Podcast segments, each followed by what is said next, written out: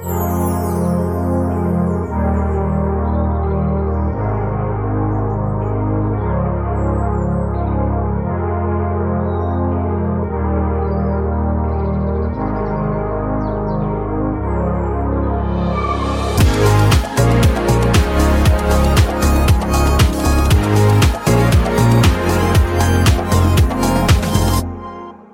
er jo tid for høstferie, og høstferie kan jo være storbyferie. Det kan jo være familieferie og jentetur. Men Marianne, du og jeg er jo hekta, eller har vært hekta på Emily in Paris. Mm. Og familiebedriften, som begge serier foregår i Paris. Emily in Paris er jo fashion, kjærlighet og Paris. Familiebedriften det er jo en familie med fire sønner som selger hus og leiligheter. Og det er jo interiør, familiebedrift og Paris. Og det er jo en glidende overgang Marianne, til å høre mer om din tur til Paris. eh, Og kanskje du har noen eh, gode tips til oss om eh, spennende ting å oppleve. Og interessante ting å se, og kanskje du har noen gode tips på hvor er de beste location for å ta bilder i Paris. Det er i hvert fall ikke tvil Tove, om at eh, Paris det er jo på en måte den eh, inspirasjonsby nummer én eh, for veldig mange. Og etter den siste turen jeg har vært der nå, så er det meg inkludert. Jeg elsker den byen.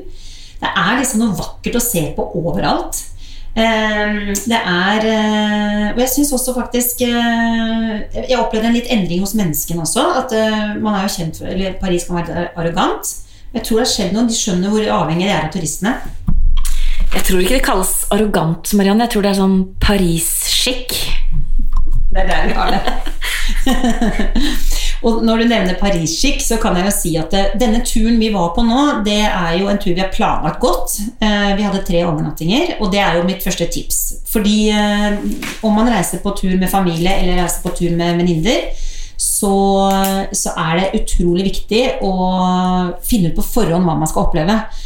For uh, disse storbyene som vi elsker å reise til, uh, om det er høstferie eller juleferie eller hva det måtte være, de er, uh, det er så mye at hvis man ikke planlegger, så går man glipp av mye, rett og slett. Så jeg tenker at uh, førstepri er å ha på seg de beste skoene. Eh, og gjerne kanskje noen penere sko i veska. Eh, eh, Da må jeg bare spørre, eh, for da tenker du på Når du sier gode sko, så tenker du selvfølgelig ikke høyhælte sko. Eh, Da tenker du sikkert joggesko-lignende. Men eh, var det noen andre i Paris som gikk med det, eller var det bare dere? Nei, du, der er det Det er jo det som er morsomt å se, da, hvordan moten er. Og du møter jo virkelig de som, eh, de som virkelig kan fashion på høyt nivå. det, men allikevel, de, de er nok blitt litt rausere i Paris òg. Og jeg, ifølge Mathea så er det faktisk ikke så mange år siden at eh, kvinner nesten ikke gikk med annet enn kjoler. Uh, trodde nesten ikke det stemte, men det, det gjør jo sikkert det. Men i Paris, i hvert fall, eh, hvis vi får snakke om Paris da, som storby uh, I og med at jeg akkurat har vært der og brenner for Paris, har lyst til å snakke om Paris hele tiden, hadde ikke lyst til å reise hjem, så er det jo Det bor jo faktisk 13 millioner bare i Paris. Og Paris består av 20 bydeler.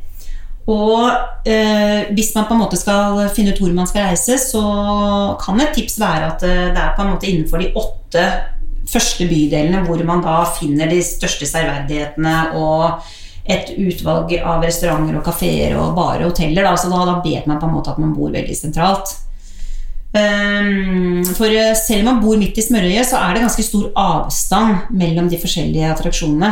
Så derfor også så er det litt lurt å planlegge litt på forhånd, så at man har en litt sånn eh, lur reisemåte.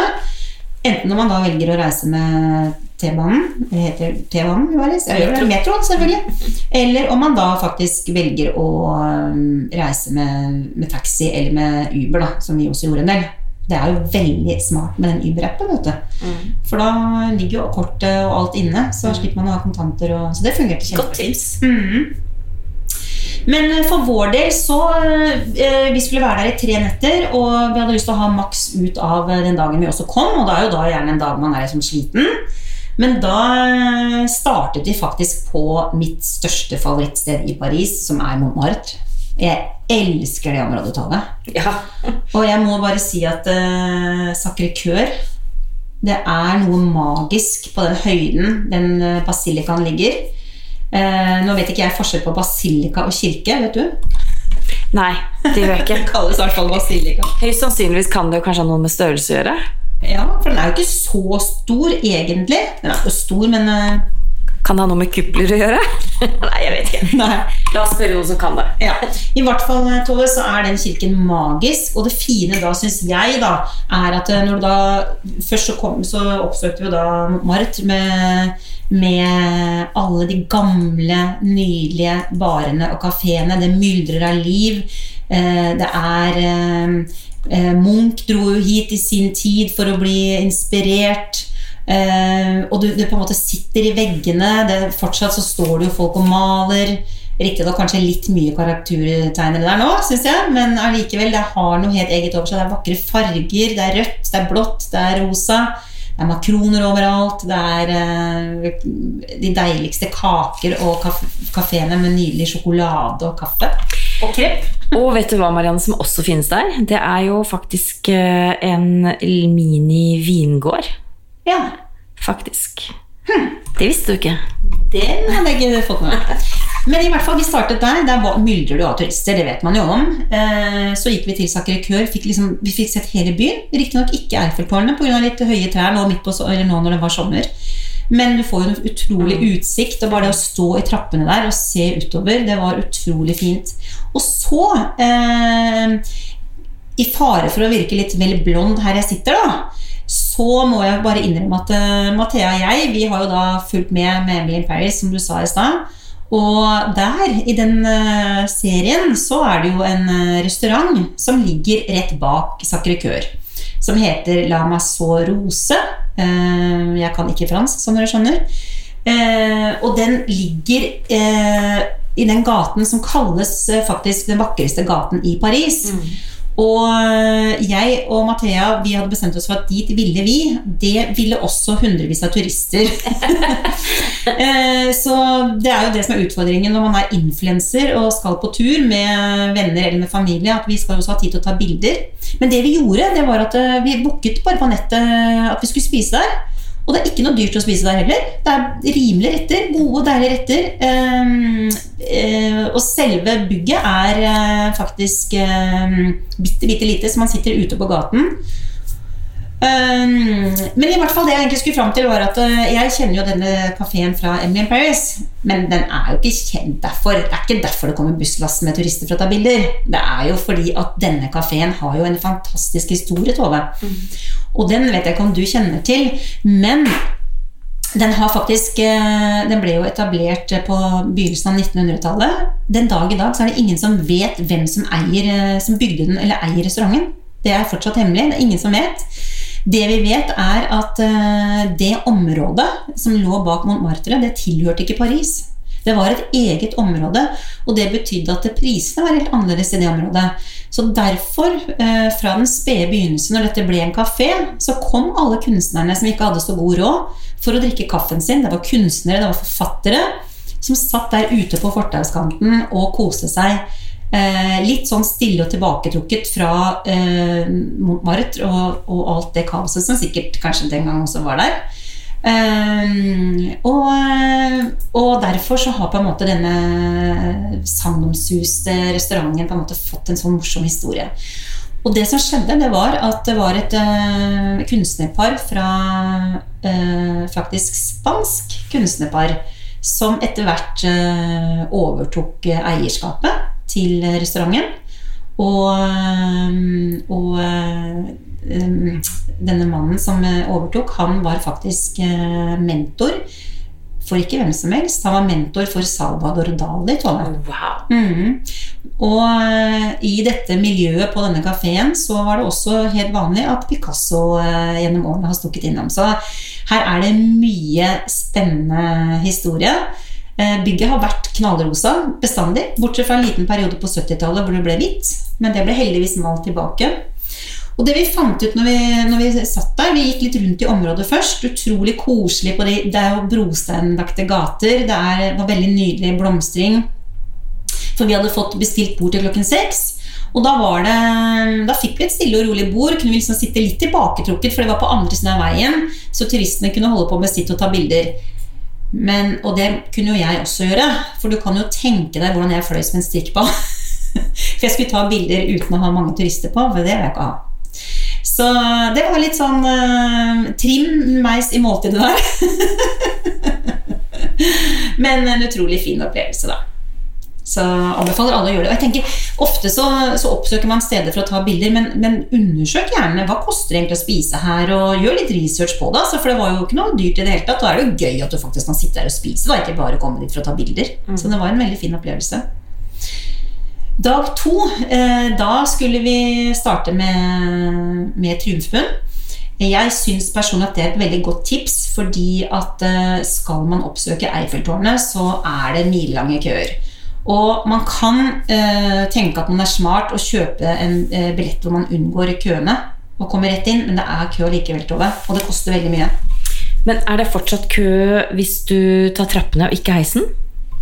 Det er et godt poeng. For uh, når du kjøper de billettene med fortrinn i køen, så tror jeg du også tar heisen, for da har du med deg en guide. Mm. Og de heisene, det er jo der det er den store utfordringen. Mm. Så, men det vi fant ut, det var at for oss så var det utrolig Det var, det var riktignok litt kø allikevel på Sakre Kør. Vi hadde ikke forhåndsbestilt noen billetter, men det tok totalt kanskje en halvtime. Mm. Nei, unnskyld, eh, Trufbund. Mm. Og når du kommer opp der da, så har du også en utrolig fin utsikt over Paris. Du ser jo rett ned på Saint-Gelysées. Og eh, alle parkene, de frode parkene. Du ser Sacre Coeur til venstre, du ser Eiffeltårnet til høyre. Og jeg syns jo det er ganske fint å kunne stå der og se mot Eiffeltårnet også. Ikke nødvendigvis være på Eiffeltårnet. Så det ble utrolig fint. Og da eh, hadde vi også funnet ut at eh, vi da, etter at vi var der, så gikk vi litt nedover Saint-Gelysées vi hadde bestemt oss for at dette var ikke noe sånn eh, shoppingtur. Det har vi nok av med butikk hjemme, egentlig. Det er ikke det man vil oppleve. Men vi satte oss på noen små koselige kafeer og tok litt uh, spanske spesialiteter. Jeg uh, smakte på en helt fantastisk uh, eplekake. Franske. Ja, franske. Mm. Ja, unnskyld. og litt sånn deilig å drikke. Og det vi også gjorde Vi var jo på et sted som man må være på når man er på San Gelysées. Vi var på La, Rad, La, La Rad, Nei, nå klarer jeg ikke å si det riktig. Eh, det kjente stedet som har de beste makaronene. Det er La Duré, Tove. Ja, selvfølgelig. Og der gikk jeg inn og kjøpte med en gave til deg. Til meg? En gave til meg? Ja, det visste du ikke. Nå klarte jeg å overraske deg. Her er ferske, deilige makroner fra Champs-Élysées, kjøpt i Paris på lørdag. Vær så god. Oh. Og jeg tror Nå er ikke jeg veldig stødig fransk, men jeg tror kanskje det uttales la durée? Jeg tror også det, mm. faktisk. De er jo litt flere steder rundt omkring i eh, Frankrike, men det er jo noe eget på Saint-Gelysées, da. Altså nå nå, mens vi har podkast nå, så må jeg bare, bare, åpne opp og se på de, fordi at dette er jo faktisk Det vet ikke Marianne, for det har ikke vi snakket om på forhånd. Men dette er jo faktisk mitt favorittbakeri. Ja. Eh, eller konditori. Eh, og de jentene som står bak disken der Jeg lager litt lyd nå, jeg håper dere hører det. De jentene som står bak disken der, de er så søte og hjelpfulle og serverer makroner i alle slags deilige farger. Og jeg ser at du har valgt mine yndlingsfarger her. Altså, det er jo pistasje og kara salt karamell. Mm. Eh, og så kan det være sitron eller mango. Mm. Litt usikker. Og så er det vel en vanilje eller en uh, Nougat eller noe. Mm. Så altså Dette blir kaffe og makroner, Marianne. ja. Det var koselig, Tolle. Måtte ha med en liten ting til deg. vet du men i hvert fall det vi da gjorde, da, det var jo litt morsomt. fordi da hadde vi bestemt oss for at vi eh, den dagen skulle ha eh, piknik. For det er jo virkelig å anbefale i Paris. Og da dro vi faktisk Et veldig godt tips da dere til piknik, det er å reise til eh, Louvre. Uh, der også er det jo Man må jo oppleve Louvre en gang i livet, men vi gjorde ikke det nå på denne turen. Vi så bare de vakre bygningene og den spesielle sukkertoppen på utsiden. Men rett, uh, rett, ved siden av Louvre, på den store plassen, der er det en park. Nå husker ikke jeg akkurat navnet på den parken, men den, den ser man jo når man er der. Der ligger det et lite bakeri. Og vi hadde jo forberedt oss litt, så vi hadde med oss Jeg hadde tatt med meg eh, litt tallerkener, må innrømmes, fra Norge. Eh, også litt bestikk, som eh, holdt på å gå skjærings når vi skulle komme gjennom vakta på, eh, på eh, Triumfbuen. For jeg hadde tatt med kniv til å skjære opp eh, baksten med. Altså, Neste gang du er på tur, Marianne, så er du nødt til å lage en sånn behind the scenes eh, på Instagram. For Ja. det, det hadde jo vært så morsomt å se deg pakke den kofferten full av tallerkener og bestikk, og bli tatt i kontroll i Triumfbuen. Det hadde jeg ønsket å se. Og det verste er at jeg kommer på det når vi sto i køen, og Pål han er jo den som går med ryggsekken. Det har jo ikke, gjør ikke jeg. Jeg går jo med den lille, fine veska mi. så sier jeg til Pål du vet at du har egentlig en kniv i sekken. Jeg lurer på åssen det går. Du skal gå gjennom kontrollen. Men eh, vet du, eh, de, de så nok at vi var ganske ærlige og stolte på at det var en piknik, og skjønte jo at det hørte til både Det er godt at jeg hadde litt tallerken sa her også. Men vi gjorde det veldig lettvint. Vi hadde en eh, visjon på forhånd om at vi skulle kjøpe de deiligste oster, de beste skinker, men det er jo ikke så lett da å rekke alt. Og det var noen ganske mørke skyer den dagen, så når vi først skulle sette oss ned, så skulle vi jo faktisk ha piknik. Jeg skulle jo ikke ha fotoshoot og ta de beste bildene av pikniken. Men vi kjøpte deilige retter på den lille mm, vogna som solgte bakevarer, og satte oss ned på et teppe og eh, hadde en veldig veldig fin stund. Det var skikkelig deilig, faktisk. Altså bare sitte der og, og spise litt lunsj på den måten. Så det må alle bare gjøre når man skal til Paris. Det er jo nok av steder å finne hvor man kan eh, ha piknik. Så det er et veldig veldig godt tips, syns jeg. Og så på kvelden så var vi litt turister igjen, for da eh, hadde vi fått tips om at det var hyggelig å reise på middagscruise på Seinen. Og det var det, Tove. Det var så fascinerende, for da startet det akkurat i solnedgangen. Og vi var vel på båten i tre timer. Du kan kjøpe litt forskjellige pakker i forhold til hva man ønsker. og Man, man kan liksom virkelig ha en sånn skikkelig eksklusiv pakke, eller en litt enklere pakke som vi valgte. Um, hvor det er, eh, var en, en flink sanger. Det, var, det ble skikkelig god stemning etter hvert. Og jeg ble veldig fascinert, spesielt når, når det var mørkt og vi kom så nærme land. Og du kunne se alle serverdighetene, eller veldig mange av de, fra båten. For det er jo glasstak. Og du ser liksom hva som foregår langs land også. Så plutselig så har det lyst opp, og så var det en frukt- og grøntbutikk som sto og solgte grønnsaker. Og så litt lenger bort så var det plutselig en bar. Og så kom vi til litt, litt mer eh, Kanskje litt mer fattigslig område hvor det var masse graffiti og ungdom som hang rundt. Og, nei, det var ordentlig fascinerende. Um, siste dagen så Nå snakker jeg fort, men jeg opplevde mye, vet du. Eh, siste dagen så var vi, da var det én butikk jeg hadde bestemt meg for at jeg ville til, og det var eh, Merci. Som jo eh, du må vite om, fordi den ser helt Du ser det ikke fra gaten i det hele tatt. Eh, men det er jo på en måte et stort hus med mange avdelinger. eh, Både med møbler og interiør og kjøkkenutstyr og sengetøy. Og i første etasje så er det normalt sett også en kafé og eh, kjøkkenutstyr. Den var under oppussing akkurat når vi var der, så vi kom ikke dit.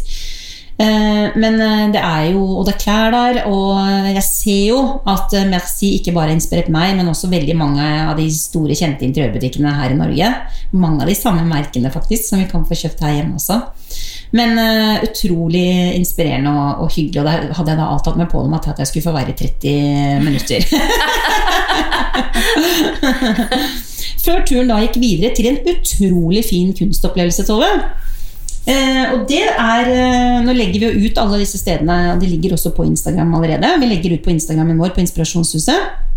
Men det er et ganske forholdsvis et nytt konsept hvor eh, kjente franske kunstnere eh, har De har på en måte digitalisert kunsten.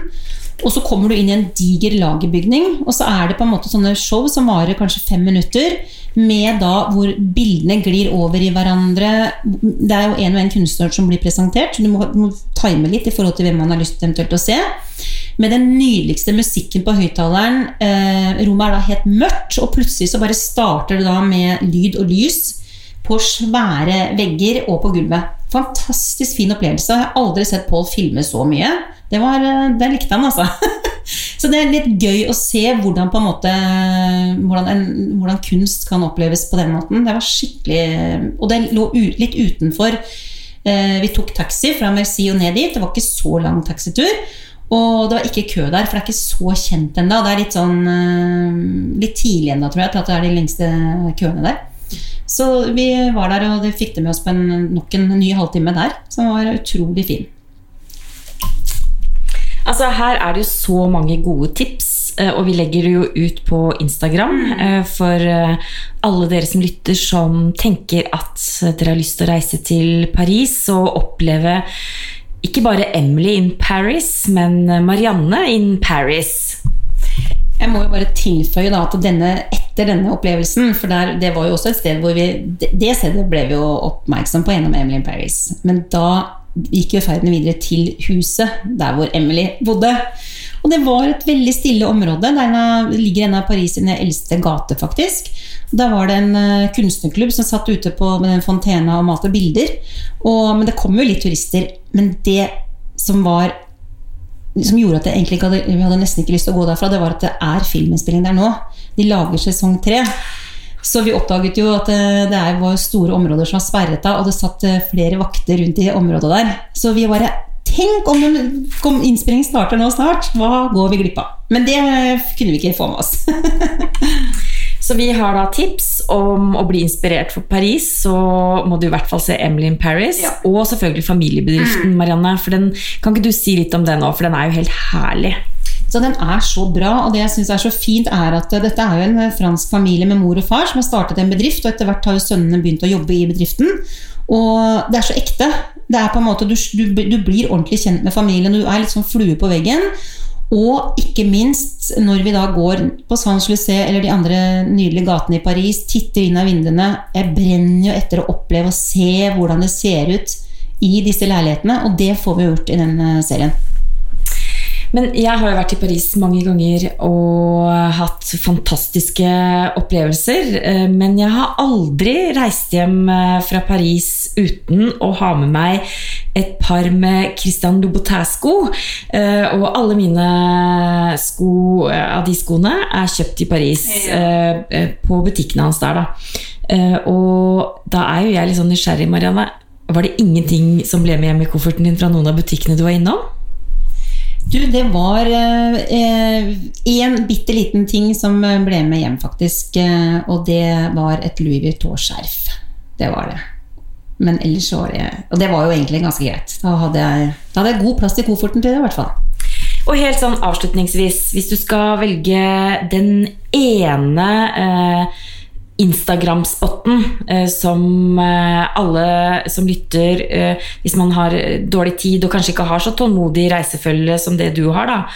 Det ene Instagram-spotten som man må ta bilde av i Paris. Hvordan finner man det? Jeg tenker jo hvert først og fremst at man bør absolutt dra til Sacré-Cœur og til La Maison Rose, den restauranten, det området der. For det er så vakkert. Og så er det flere veldig veldig fine steder man kan ta bilde av Eiffeltårnet. Uh, og nå husker jeg ikke navnet på den plassen. Det kommer vi tilbake til og legger ut på Instagram-kontoen. Mm. For det er et sted hvor det er veldig stort område, så at du på en måte du, du står i lang avstand til Eiffeltårnet, men du er ganske nære likevel. Så at du, du, får tatt hele Eiffeltårnet, på en måte. Og det er sånn at du får ikke folk foran deg. Du får liksom tatt bildet. Uh, akkurat hva den plassen heter, står helt stille nå, men det legger vi ut. Da gjenstår det bare å si bon voyage.